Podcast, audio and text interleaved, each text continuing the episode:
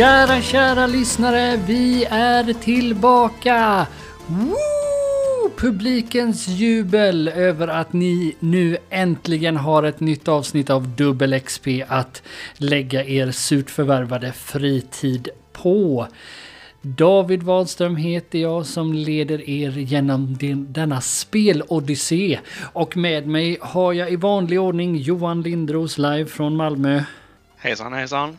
Hur står det till idag Johan, denna måndag? Uh, jo, detta är ju uh, i princip räddningen för, på, från måndagskänslan. Att nu, nu är det dags att, att spela in en podd ju. Dags att göra någonting kreativt med sin tillvaro egentligen. Ja. Härligt, härligt. Helgen har varit bra för dig? Uh, ja, jag har väl egentligen inte varit speciellt uh, medveten om vad som händer runt omkring mig utan jag har varit uh, väldigt fördjupad i mina spelprojekt. Det låter, låter väl ganska bra. Det är ett, ett bra sätt att glömma bort all elände och misär i världen. Ja. Nej, men det har ju hänt mycket. Det var ju Melodifestivalen i Malmö till exempel. Och jag antar ju att du satt, om inte på plats, så satt bänkad framför tvn, eller hur? Alltså jag var ju eh, liksom i tron om att detta skulle vara en, eh, en mellofri zon. Det stod ju i kontraktet. ja, jag säger upp mig. Det är ju nu du skulle ha sagt va? Ja, jag satt bänkad framför tvn och spelade istället. ja, men jag, jag, jag är inte så med på eh, de här eh, dramatiska vändningarna liksom.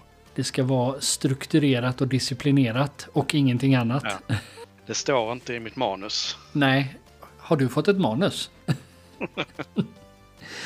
Nej, men vi, vi gör som så som vi brukar göra. Att vi, vi kickar igång egentligen med vad vi har spelat den senaste tiden. Om det nu har förändrats från förra avsnittet.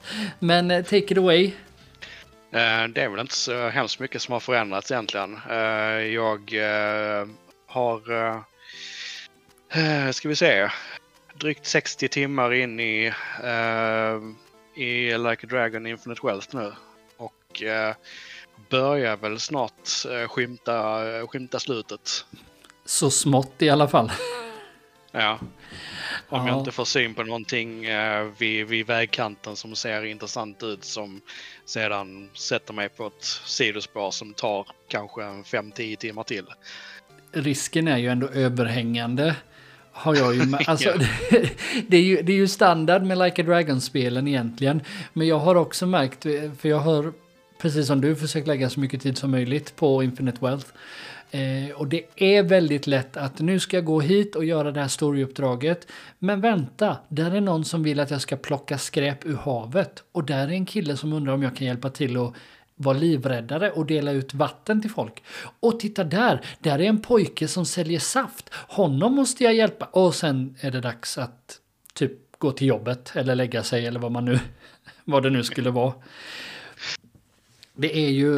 Ja, man får ju definitivt uh, ge upp alla, uh, alla tankar om att ha, ha en vanlig struktur i livet om man ska ta, ta sig igenom det spelet på, inom rimlig tid. Ja, alltså det är ju så otroligt stort och det fortsätter liksom att bli större och större hela tiden ju mer man spelar i princip också. Så, ja. och jag är ju fortfarande i den delen där jag ungefär har skrapat på ytan känns det som jämfört med dig. Så ja, det blir spännande att se vart det, vart det här slutar någonstans. Har du börjat låsa upp uh, Sujimon-bitarna uh, igen? Nej, det har jag inte. Så jag har ja, inte nej, då, låst upp Don Doco Island heller. Nej, nej, det är en, en bit senare efter det också. Så att uh, du är ju fortfarande i vad man kan kalla prologen. känns jättebra. Ungefär 12 timmar in i kapitel 4 någonstans. Och bara, nej men det är fortfarande 90% av spelet som inte har visats för det än. Ja. Alltså det som är så imponerande det är ju att eh, de, eh, de hade ju med eh, det här Sujimon-konceptet tidigare i, i förra spelet också. Och ja. Eh, det är ju uh, basically Pokémon fast med ett annat namn. Jo men, jo, men det är det ju. Det är det ju definitivt. Och det de har eh, gjort i detta spelet det är ju att de har ju eh, expanderat det så extremt mycket att du, du faktiskt kan eh, eh, använda dem i, i battles. Eh, så att eh, du samlar på dig eh, Sujimon och du levlar upp dem och du deltar i raids och du, det finns en, ett ställe som heter Sujimon Stadium som inte alls är en referens till någonting annat. Nej, nej, nej. Ja, nej, det som sagt, jag, jag skrapar på ytan och jag fortsätter skrapa ja. så mycket som möjligt.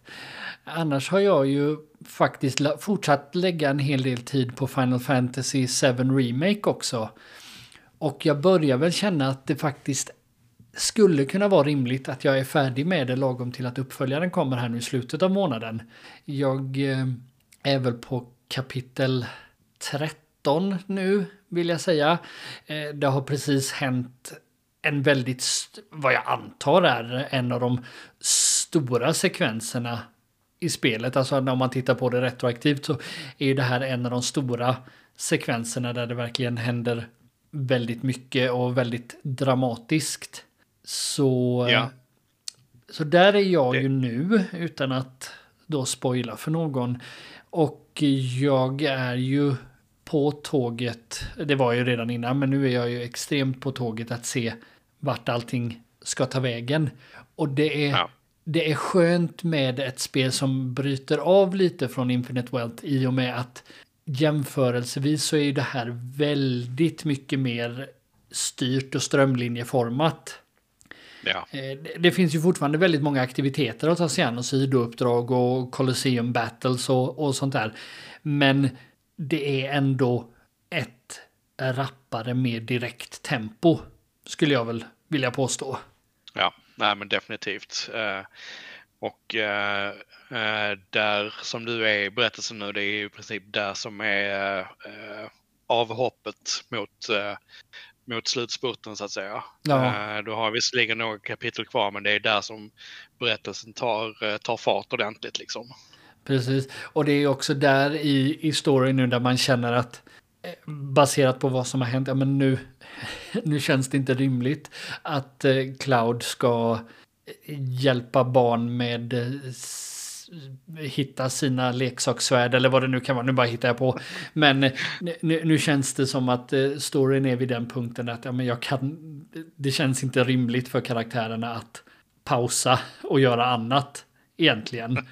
Eh, vilket tvärt emot då i Infinite Wealth, där känns det hela tiden ändå, ändå på något sätt rimligt att eh, Ichiban stannar för att ja, vet inte, lära sig köra segway liksom trots att det kan vara en väldigt dramatisk situation. Så, Eller investera i en robotdammsugare. Det, det, det med. Nej, så det är, det är väldiga kontraster mellan de här spelen och eh, det är någonting jag känner att jag behöver lite avbräck från båda emellanåt, bara göra något annat. Eh, med ja. det sagt så är det ju två fenomenala spel på sina egna grunder, men det är ändå skönt att kunna hoppa lite emellan. Eh, sen har jag bara ytterst lite än hunnit doppa tårna i Persona 3 Reload också. Eh, det släpptes ju till Game Pass på Xbox här i, i fredags, samma dag som min recensionskod från Plyon trillade in, som vi tackar för naturligtvis. Eh, har inte riktigt hunnit dyka in i ytterligare ett massivt Sega-rollspel än. Du menar det? Men det, det kommer, det kommer i alla fall. Ja, Nej, det är lite startsträcka i det spelet också så att eh, det vill man ju gärna sitta med ett tag så att eh, man inte blir avbruten. Nej, precis. Det är väl lite det jag känner också att jag behöver faktiskt kunna dedikera tiden åt det för att det inte ska bli allt för, för upphackat så att säga. Ja. Nej, jag tog ju i ett, i ett svagt ögonblick så föll jag ju dit på uh, en uh, senaste Playstation-rean också. Uh, och köpt uh, uh, Theatrhythm, uh, Final Barline. Just det.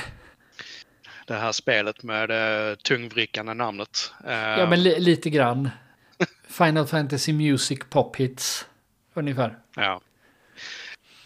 Och det har ju, passar jag på att skaffa den, den stora utgåvan med all, alla expansioner och så, för det var, det var halva priset så att det kändes vara läge att, att slå till då. Ja, precis. Så du, du, har, du har några tracks att jobba dig igenom, kan man väl lugnt säga.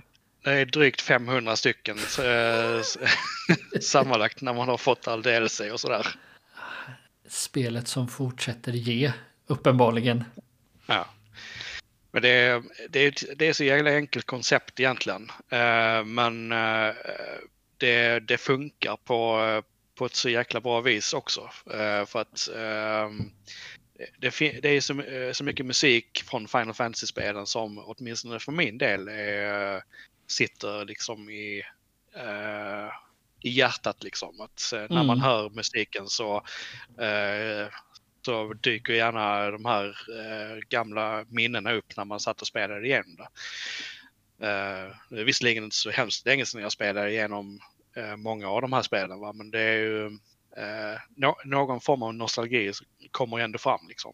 Ja, men det gör det ju och det är ju sånt ett, den typen av spel lever väldigt mycket på också.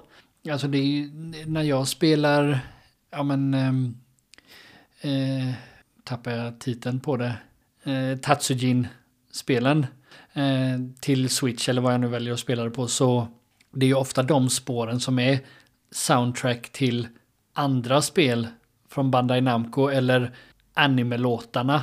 Det är ju ofta de man eh, väljer att spela om flera gånger just för att du har den där nostalgiska känslan att vet, kommer ihåg när jag spelade det här och den här scenen och hela den biten.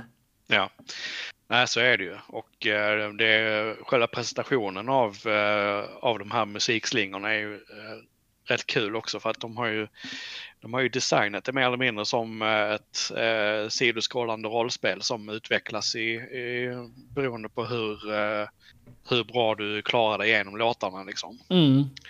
Precis, eh, och, det är inte bara att se eh, poängen i slutet. Nej. Eh, och sen så blir det ju det att när du har spelat en låt så levlar dina karaktärer upp och eh, så kan du köra låten igen så kanske du kommer vidare lite längre för att du har starkare karaktärer och så vidare. Så att det finns en, en loop hela tiden som, eh, som driver en vidare. Mm. Nu, bli, nu blir jag ju nästan sugen också här nu när du sitter och pratar om det. Så bäst att sluta nu höll jag på att säga. Eh, nej men jag, jag, spelade ju det första eh, de släppte till, till 3DS för, för många år sedan. Då var väl inte ja. konceptet fullt lika utvecklat som det är nu om jag, om jag minns rätt. Men det var ju fortfarande ett väldigt underhållande rhythmspel. Definitivt. Ja, Så nej, definitivt. Kanske blir att, nej, nej, det var inget. Nu... nu går vi vidare. ja, nu går vi vidare. Det var i alla fall vad vi har spelat den senaste veckan. Och med det sagt så hoppar vi in i det första samtalsämnet här, eller samtalsryktet kan man väl egentligen säga. För bara nu här de senaste dagarna så har det ju börjat viskas och tisslas och tasslas lite om att Microsoft kanske är på väg att släppa ganska ordentligt på sina konsolexklusiva titlar. Berätta Johan, vad vet vi just nu? Uh, ja, vad vi vet är väl ganska begränsat, men det finns ju ganska mycket rapportering från uh, mer och mer uh, pålitliga källor som har någorlunda insikt i, i, i Microsoft som, som säger att ehm, en del av de här spelen som har, eh, har varit exklusiva och, och eh, även framöver kommer att ehm, på något vis bli multiplattform. Och eh, det är lite oklart hur det kommer se ut i praktiken eh, om det nu blir så att um, um, det, det mest sannolika som, som har rapporterats, som, som jag ser det i alla fall, som, är ju att spelen kommer att vara tidsexklusiva för, för Xbox. Mm. Och sedan eh, dyka upp på Playstation och eventuellt en framtida ny Switch. Eh, en, en bit senare, liksom, kanske ett halvår, ett år. Mm. Ja men exakt. Och eftersom vi lever i en värld med där internet existerar så har det ju varit lugna och sansade reaktioner överallt så vitt jag har sett. Ja, nej, det, jag har inte sett eh, några mordhot överhuvudtaget eller eh, eh, andra rimliga reaktioner. Det, eh, det har varit helt lugnt. Det har varit helt lugnt än så länge. Inget att rapportera ja. där. Nej, och det, och det är lite, för de som inte talar sarkasm av våra lyssnare så eh, har det ju varit raka motsatsen naturligtvis. Eftersom det är internet vi pratar om. Och alltså som vi diskuterade lite off mic. Så jag, jag har egentligen lite svårt att förstå hur folk kan se det här som, som en överraskning. Egentligen. För tittar du på vad, hur Microsoft har jobbat de senaste åren. Alltså så långt tillbaka att de slutade redovisa konsolförsäljningen egentligen. Så känns det, tycker jag i alla fall, som att det är häråt. Det har barkat hela tiden. Eller väldigt länge i alla fall under tiden som Phil Spencer har stått vid rodret. Diskussionen har flyttats mycket mer mot att eh, Game Pass, vi vill att folk ska kunna spela vad de vill, när de vill. Eh, vi har sett eh, Ori-spelen komma till Switch. Minecraft-spelen som visst alltid har varit multiplat men liksom fortsätter spridas till andra plattformar. Så, så jag har väl aldrig sett det som något annat att det är det här hållet de är på väg åt egentligen. Nej, Nej så är det ju. Ehm, det är ju så att eh, eh, Microsoft eh, har ju inte varit speciellt intresserade av, av hårdvarubiten på ganska länge. Ehm, det, det funkade ju på, eh, på, eh, på under 360-generationen för att då, då, var ju, eh, då var ju Xboxen lönsam och var ju liksom en av de ledande konsolerna. Mm. Och drog in pengar och då fick de ju sitt spelrum. Att, alltså, så, länge ni, så länge ni drar in pengar så får ni leka med era leksaker där borta. Mm. Men det har ju ändrats sen de började kvadda sitt rykte lite grann med, med Xbox One. Den, ja. Eh, den lanseringen gick ju inte riktigt som den, som den skulle. Nej, eh, verkligen inte. Och... Uh, ja, förlåt. Nej, så jag tänkte bara säga det att, att därefter har de ju uh, gett hintar liksom vart det är på väg genom att de hade ju ingen uh, direkt intern utveckling att, att prata om under 360-eran utan det, det, blev ju sen att eh, de blev tvungna att, eh, att införskaffa studior. Eh, och det mm. började mm. redan under senare, eh, senare, mitten och senare perioden av eh, Xbox One. Så började de ju köpa upp eh, utvecklare. Och det var ju den första egentliga hinten om att okej, okay, nu börjar vi liksom överflyttningen till ett mjukvaruföretag. Ja, Precis. Det, det, och det är ju samma sak alltså om man tittar på Microsoft som helhet. Visst, de gör lite surfplattor och kanske någon eh, laptop och sånt där. Men de har ju aldrig varit ett hårdvaruföretag på det sättet.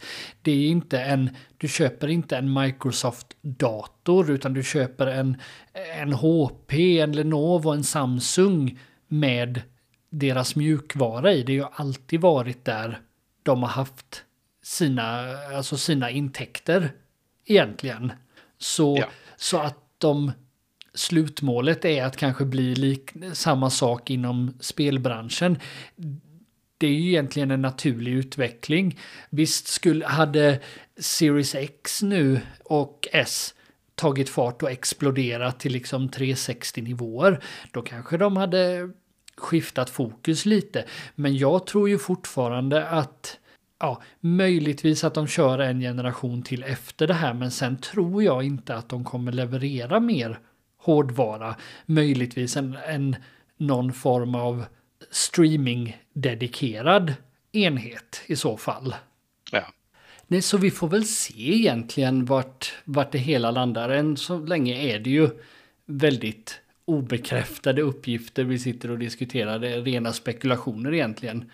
Men eh, det har ju kommit vissa antydningar om att om det här nu faktiskt visar sig stämma så har väl Microsoft tänkt att visa upp det eller prata om det mer officiellt senare i, i februari i alla fall.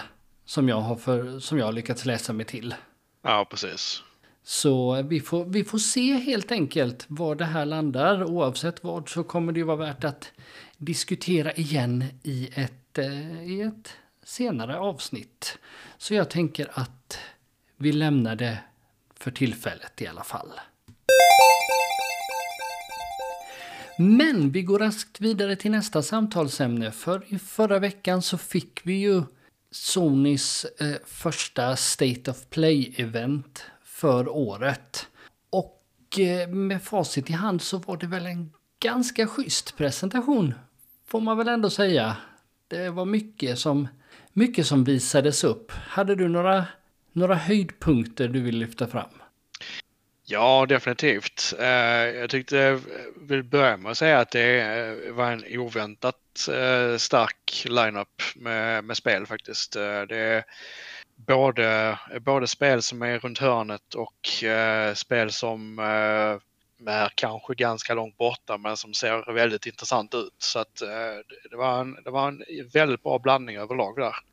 Ja men det var det, det var det definitivt. Alltså det var eh, som du säger lite som Alltså tredjepartsspel som inte har kommit till Playstation innan och, och lite sådana grejer som bekräftades.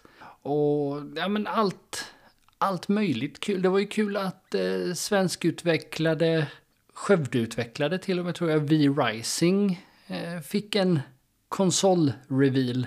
Jag har inte spelat det någonting själv men jag har ju förstått det att eh, inom, eh, vad ska man säga, online crafting, base building genren så ska ju det här vara eh, riktigt populärt om jag inte är helt felinformerad. Nej, så är det ju. Um, det har ju uh, blivit en riktig kassako för, uh, uh, Eh, för studion eh, så, så vitt jag har sett på rapporterna i alla fall. Så att eh, det är väl kanske inte den, den genre som jag dras till primärt men det, det, det, ser definitivt intressant ut så att jag kommer nog att kika närmare på det förr eller senare. Ja, nej, men det är väl lite så, jag, lite så jag känner också faktiskt. Hade du något annat i presentationen som du ville lyfta fram som fångade dig lite extra av någon anledning? Uh, alltså en, en sak som jag var väldigt tveksam till från början. Uh, för det, det kom ju en del läckor innan, uh, innan presentationen som mm. sa att ehm, Ken Levins Judas skulle ju visas upp. Ja. Och det tänkte jag liksom att det finns ju inte en chans att det visas för att det, det är så pass långt borta att det, det har ju det har ju i princip försvunnit från radarn liksom. Ja. Eh, men mycket riktigt så fick vi en, en trailer för Judas och eh, det var ju inte, det var inte lite Bioshock-stämning där ju. Det, det, det, det, är väl så nära Bioshock man kan komma utan att använda ordet Bioshock egentligen. Ja. Would you eh, kindly uh, not call it Bioshock? ja, precis. Uh, det ska ju dock nämnas att uh, det är nog fortfarande ganska långt borta för att den splash screen de visade i slutet, det stod ju att det är in development. Så det stod inte ens ett år där liksom. Nej, precis. Så det betyder väl tidigast 2025. Förmodligen kanske senare ändå, tänker jag. Ja det, det är nog rimligt att äh, sätta förväntningarna där. Ja, nej men jag tyckte också det såg väldigt spännande ut. Och sen någonting som lite oväntat på ett sätt tog min uppmärksamhet var ju när de visade upp en rejäl bit av Rise of the Ronin. Eh, jag har ju tyckt att det ser lite småintressant ut hela tiden, men det var någonting med den här presentationen som fick det och det här menar jag på bästa möjliga sätt, men jag fick väldiga PS2-vibbar av det. Det...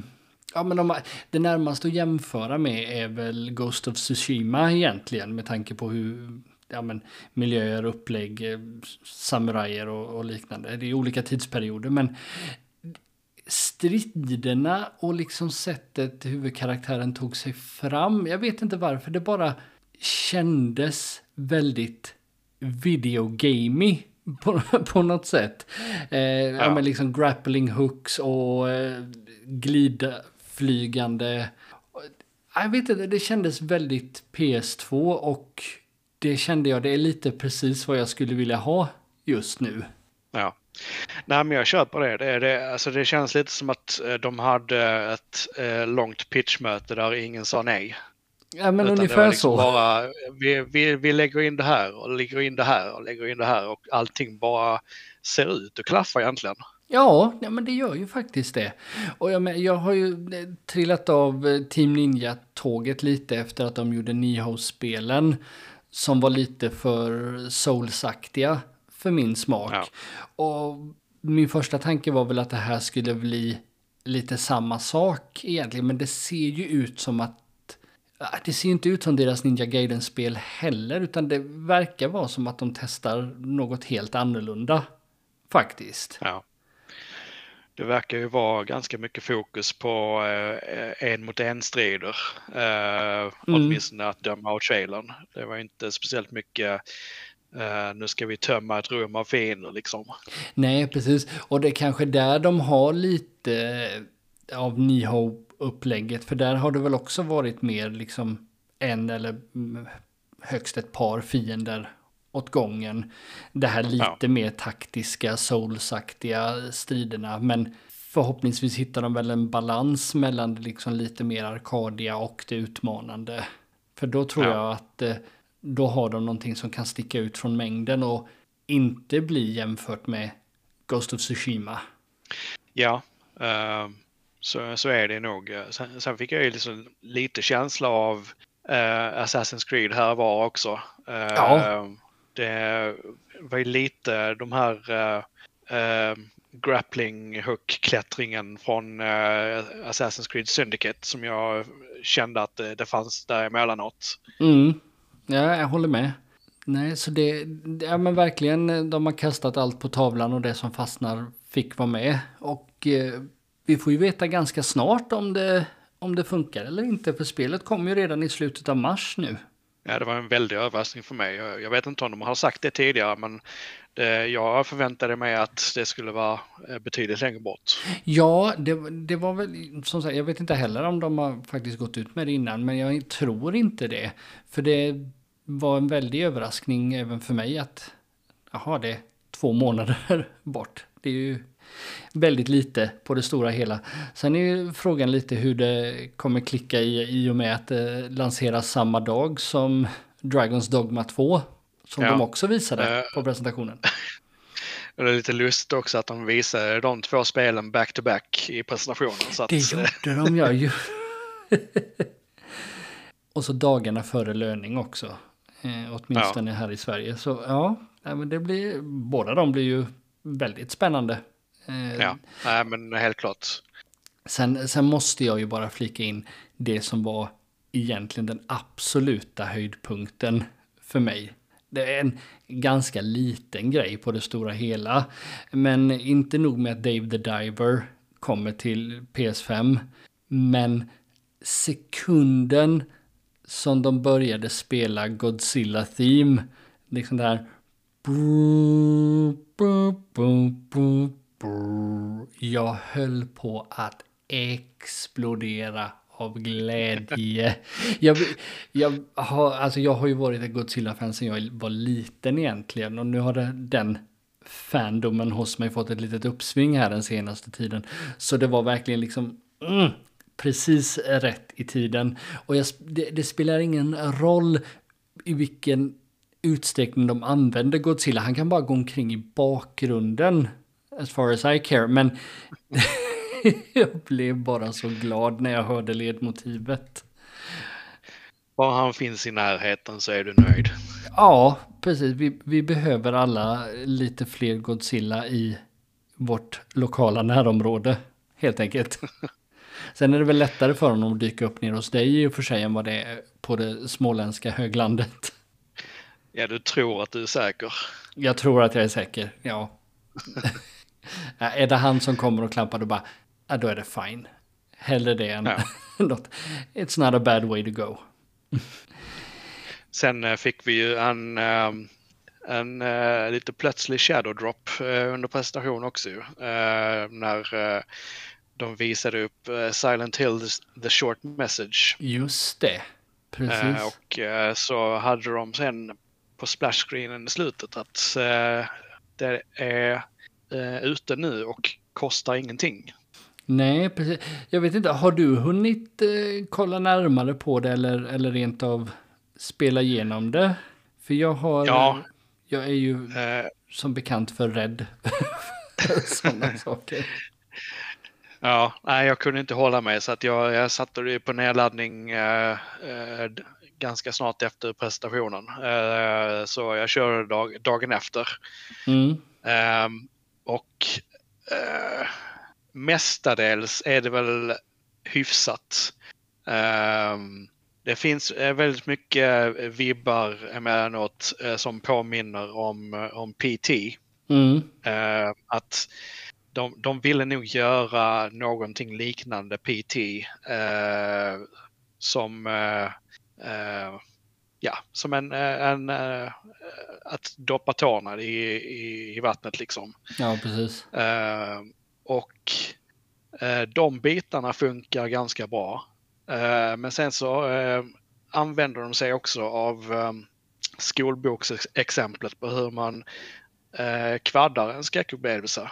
Eh, och det gör de då genom att eh, sätta in eh, jaktsekvenser i, eh, i trånga utrymmen där du samtidigt måste eh, springa och eh, leta upp föremål. Ah, det som alla eh, älskar. Och, ja, precis. Och för att som om inte det var nog så är den här fienden som jagar dig har en one hit kill. Så att om du misslyckas så får du börja om från början.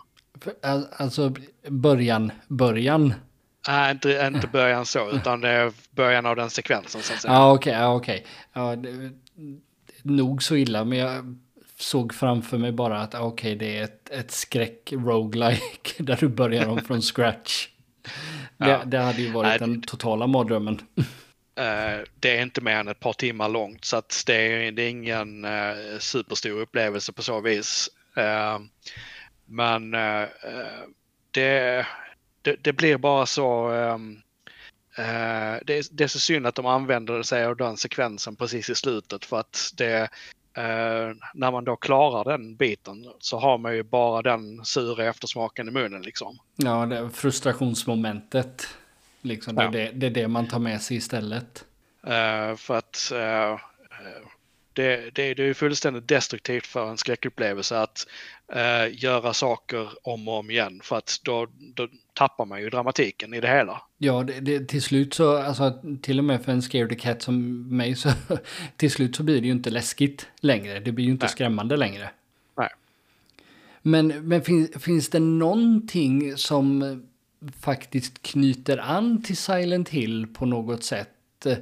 Eh, för mig som inte har spelat Eller är det bara en upplevelse som råkar bära namnet? Eller knyter det an eventuellt till remaken av tvåan? Eller finns det någonting ja, sånt? Det finns anknytningar men jag vet inte om de eh, eh anknytningarna är till ett eh, framtida spel. För att jag är inte bekant med att det skulle vara kopplat till ett befintligt. Uh, ja, okay. det, finns, det finns saker i uh, alltså sådana här uh, tidningsklipp och dylikt som refererar Silent Hill eh, och eh, ja, lite detaljer som eh, eh stämningsmässigt eh, passar bra med Silent Hill så att säga. Men ja, okej. Okay, okay. inte så mycket konkret så att säga. Nej, så det ja, men lite som att P när PT faktiskt visade sig vara en, en, en teaser för ett Silent Hill-spel som aldrig blev av så kanske det här faktiskt är något liknande då.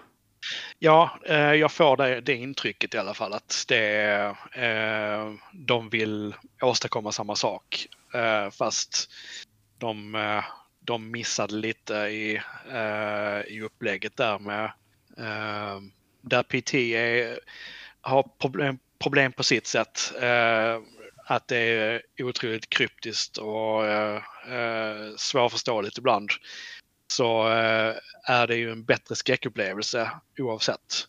Mm.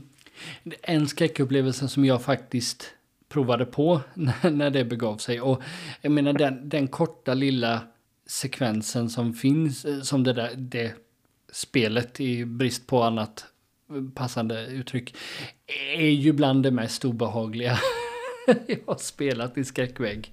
Eller i spelvägg ja. överhuvudtaget. Så nej, det är ju svårt att följa upp en sån grej. Och särskilt när man inte har då en galning som Kojima vid rodret också. Ja, nej men så är det. det uh, vi får se vart det leder. De har ju, eh, de har ju sagt att de har uh, långtgående planer med Silent Hill-serien. Så att uh, om, om ett år eller två så kanske det, det kommer någonting som sätter detta i perspektiv. Ja, precis. Det återstår att se helt enkelt. Sen eh, på tal om PT och Konami och allt sånt så måste man ju också nämna eh, Kojima själv som fick visa upp eh, Death Stranding 2 on the beach. Som faktiskt visar sig vara den, den riktiga undertiteln. Och, och eh, Ja, vad ska man säga? Det var nästan tio minuter lång trailer där jag gick från att vara förvirrad till imponerad till jätteimponerad till totalt förvirrad igen.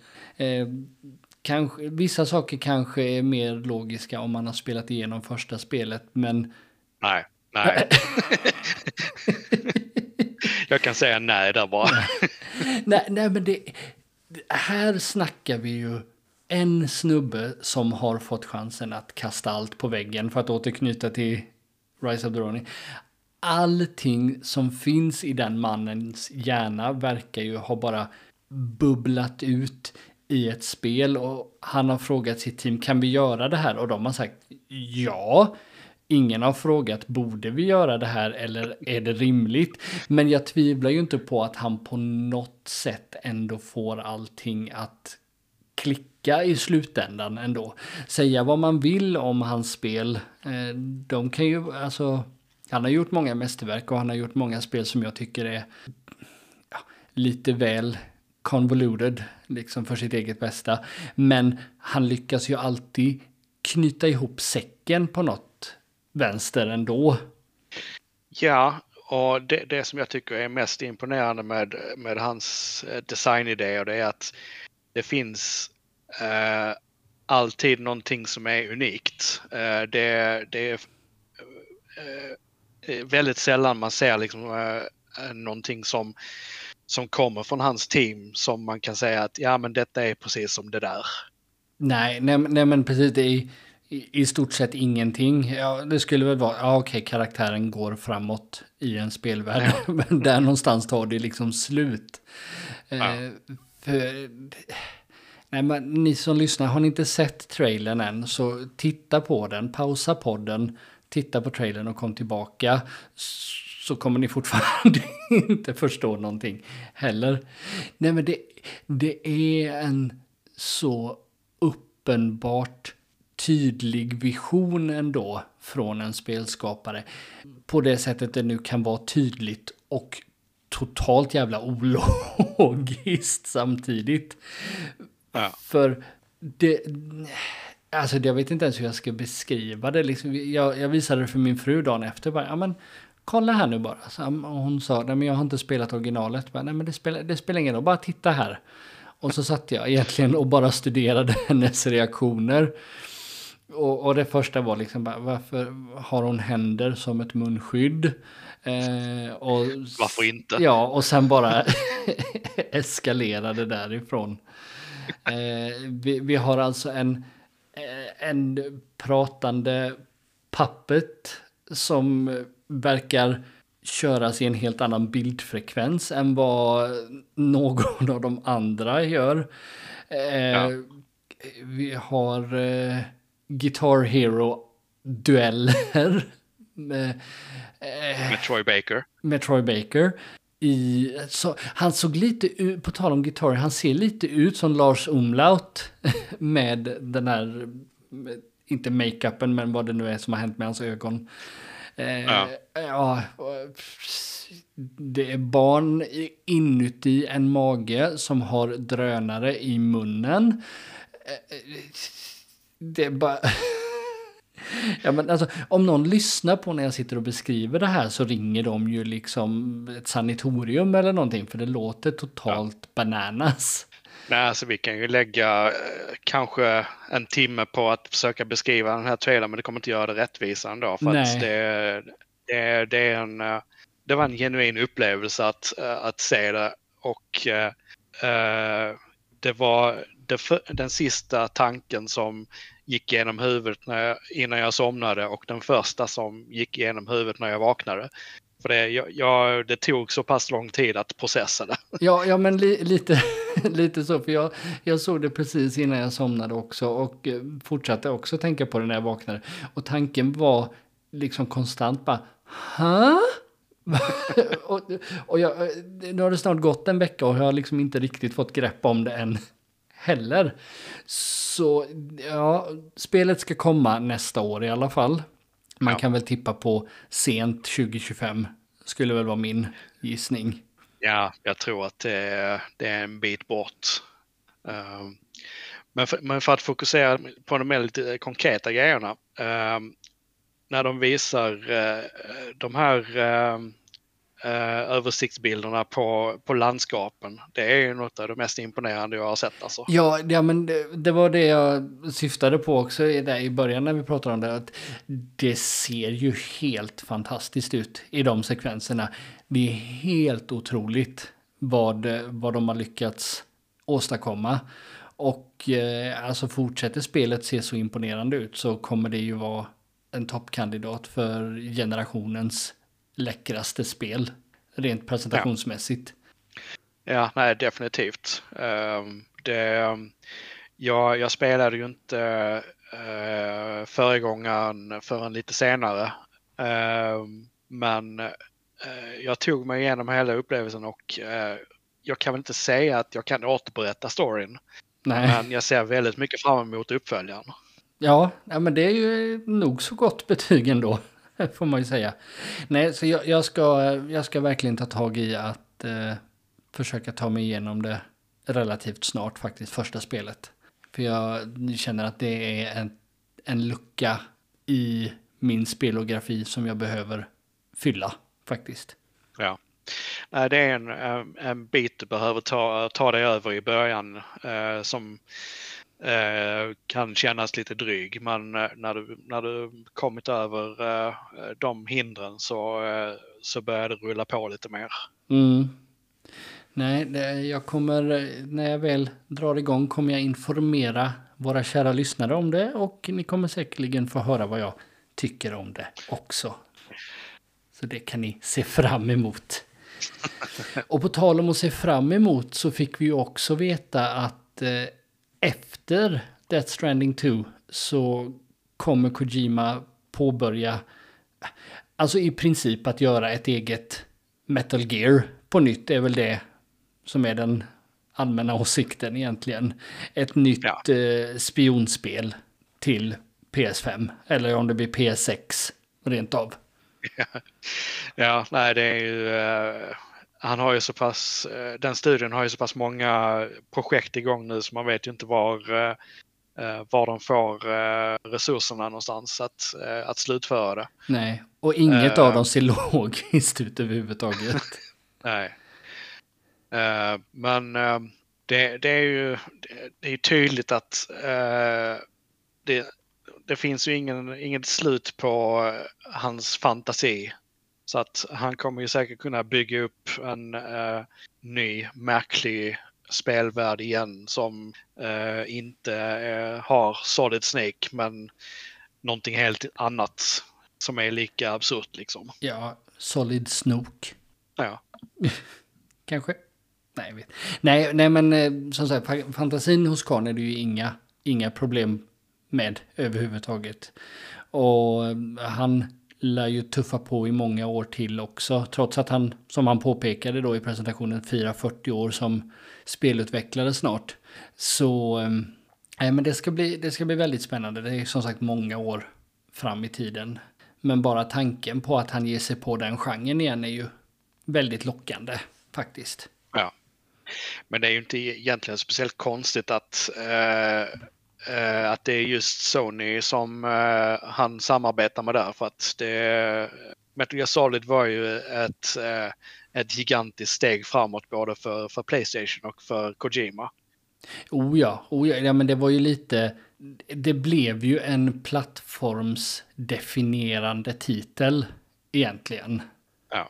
Så... Det, det nej. var inte många spel på, på den tiden som använde sig av eh, liksom eh, röstskådespelare och, eh, och eh, orkestrerad musik på det på samma magnitud liksom. Nej, inte, inte ens i närheten.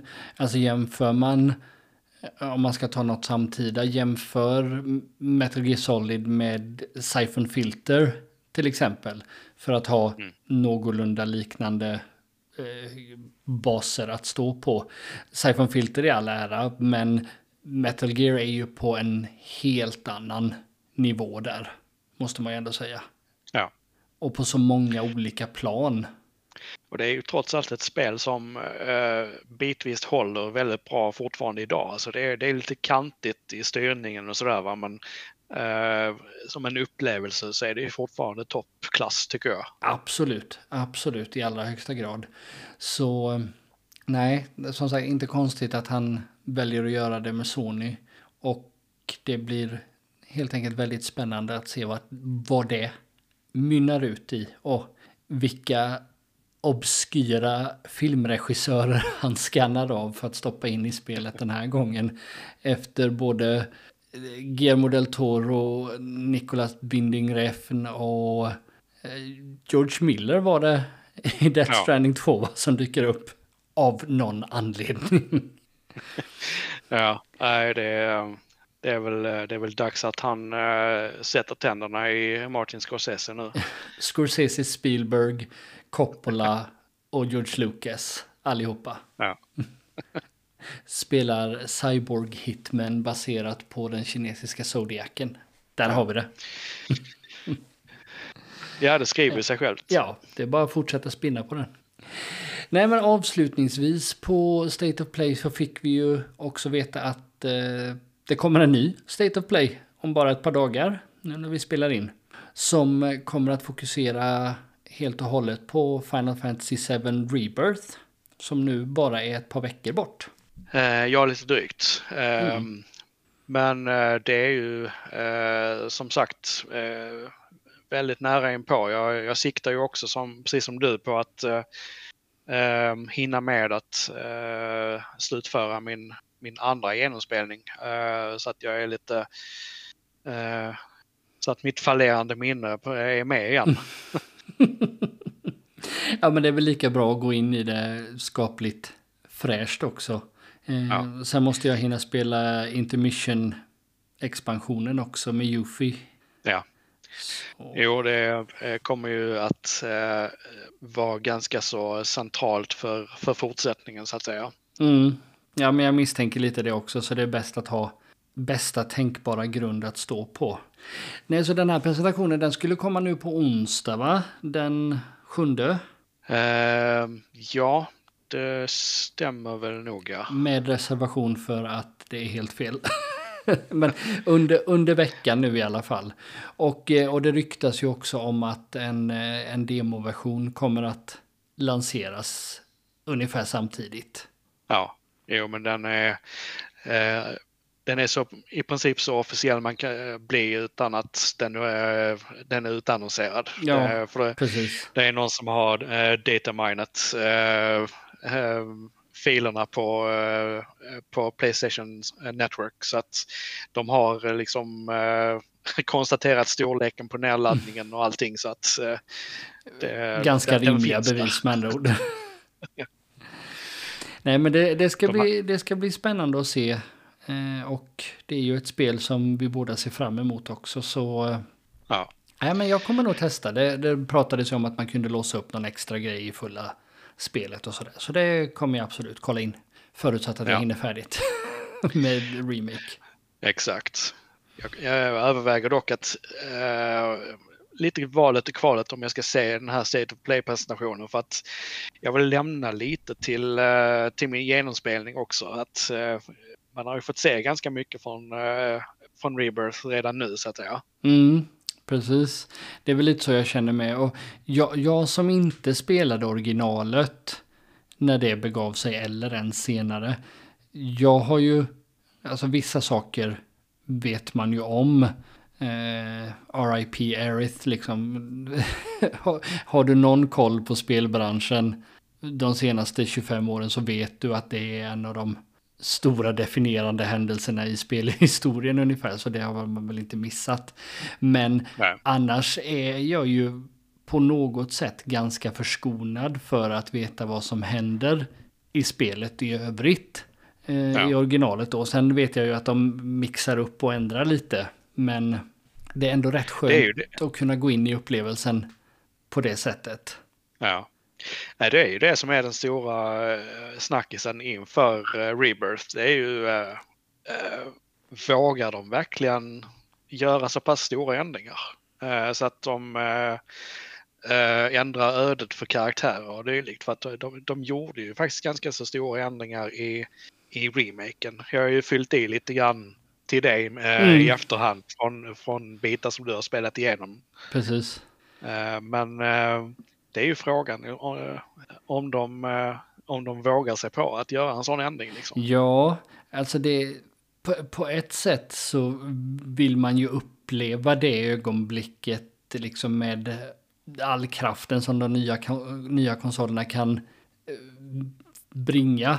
Men å andra sidan så vore det ju lite spännande att se om de faktiskt vågar ta allting i en helt annan riktning. Ja. Så ja, det återstår ju att se helt enkelt. För det är ju tydligt att de har, uh, det här remake-teamet har en egen vision för uh, vad de gör och det är ju inte att göra en, uh, en, um, en rak uh, återberättning av, av originalstoryn. Nej, nej men det, så långt har jag ju förstått också att de, de har ju ändå tagit ut svängarna på flera områden. Och uh, ja, det ska, bli, det ska bli väldigt intressant att se vad de...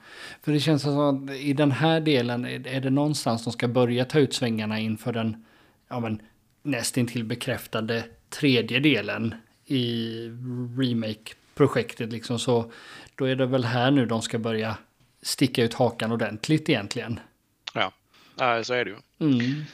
Eh, så det, det återstår att se helt enkelt var vi hamnar där. Men en State of Play med fokus på Final Fantasy kommer senare i veckan i alla fall. Och avslutningsvis nu då ska vi väl bara kort nämna en annan av veckans höjdpunkter och det är ju att eh, Steam har dragit igång årets första Nextfest nu idag som vi spelar in det här. Och det båda ju gott för alla som är intresserade av lite, lite demoversioner av nya spel. Om ni inte har något annat att spela. Nej, hur man nu kan vara i den situationen. Ja, jag har ingen aning. Det finns säkert någon enstaka människa, men inte, inte mer än så. Nej, så jag, Nej, jag har det... inte hunnit eh, kolla in någonting direkt än. Men eh, det brukar, man brukar alltid kunna hitta några små guldklimpar i alla fall. Ja, jag har eh, bläddrat lite grann eh, och eh, jag såg att Pacific Drive har fått en demo. Mm. Och det är ju det här roguelike spelet där du kör en, en bil i nordvästra USA i någon postapokalyps. Precis. Uh, det ligger på min önskelista faktiskt. Så där har jag ju något jag tänker titta närmare på så fort vi är klara här. Ungefär. Ja. Uh, sen var det uh, någonting till om jag har det på rak arm. Jag har ju snubblat över ett spel, det varit utannonserat sedan länge, som heter, eh, nu ska vi se om jag kommer ihåg titeln, Sword of Convalaria, tror jag det heter. Eh, Just det. det. Det är ett eh, Tactical RPG som jag tror till och med kommer vara free to play. Men som jag fastnat för egentligen enbart baserat på den första trailern och den grafiska stilen. Så eh, det tror jag hade någon demoversion också som jag nog kommer kika lite närmare på nu under kvällen så att säga. Ja, jag sa att det fanns ett eh, en handfull intressanta Metroidvania-spel också. Eh, nu har jag tappat bort eh, listan som jag gjorde tidigare men eh, det, det, det finns en, en, ganska så bra översikt på, på Steam, Steam-butiken så att man kan bläddra igenom alla, alla de deltagande spelen där så att eh, det finns eh, en hel del att sysselsätta med där. Ja men det gör det definitivt. Jag sitter och scrollar igenom listan lite hastigt nu här och jag såg att Outcast The Beginning har en demo. Och original Outcast spelade jag ju väldigt mycket när det släpptes för 25 år sedan. Eh, så jag är inte helt uppdaterad i, i hur storyn gick inför den här uppföljaren tyvärr. Men eh, det är ju definitivt något som jag kommer titta närmare på också. Nej, men det finns en, finns en bra blandning ändå. Det finns säkert några visual novels man kan kika in på också. För det kan man aldrig få för många av. så det är så. Just det, där, där hittade jag vad jag tänkte på. Uh, uh, Ultros. Uh, Just det. Uh, lite psykedeliskt Metroidvania-spel. Ja, Just det. släpps ganska snart men det finns en demo ute nu i alla fall som uh, man kan uh, kika närmare på. Mm. Och uh, måste jag också nämna, bara för att jag scrollade igenom och såg titeln nu. Barbara Sex Story. såg ju absolut ut som skräp, jag får säga. nej men det, det är en väldigt lång lista här att, att gå igenom så de flesta lär väl hitta någonting att sysselsätta sig med. Definitivt. Ja. Det är ett bra tillfälle att ha en Steam Deck. Det är ett bra tillfälle att ha en Steam Deck och eh, från vad jag kan se när jag bara scrollar igenom listan här nu så kan det vara ganska bra tillfälle att ha någon form av sorteringsfilter kring vad som visas också. And we will leave it at that. Ja, jag tror inte jag vill veta mer än så. Nej, vi, vi lämnar det där. Nej, men vad då så? Då har vi ytterligare ett avsnitt i hamn här, tror jag faktiskt. Ja. Vi nådde mål en gång till. Så med det sagt så återstår det väl egentligen bara att eh, tacka för att ni har lyssnat det här avsnittet. Vi siktar på att vara tillbaka igen samma tid nästa vecka. Och då kommer ni säkerligen få höra mer om Persona, Final Fantasy och Like a Dragon. Hör och häpna. Men... För en gångs skull. För en gångs skull. Men tills dess så säger jag tack så mycket till dig Johan. Tack David. Ha det så bra där ute och happy gaming allihopa. Vi hörs nästa gång. Hej då.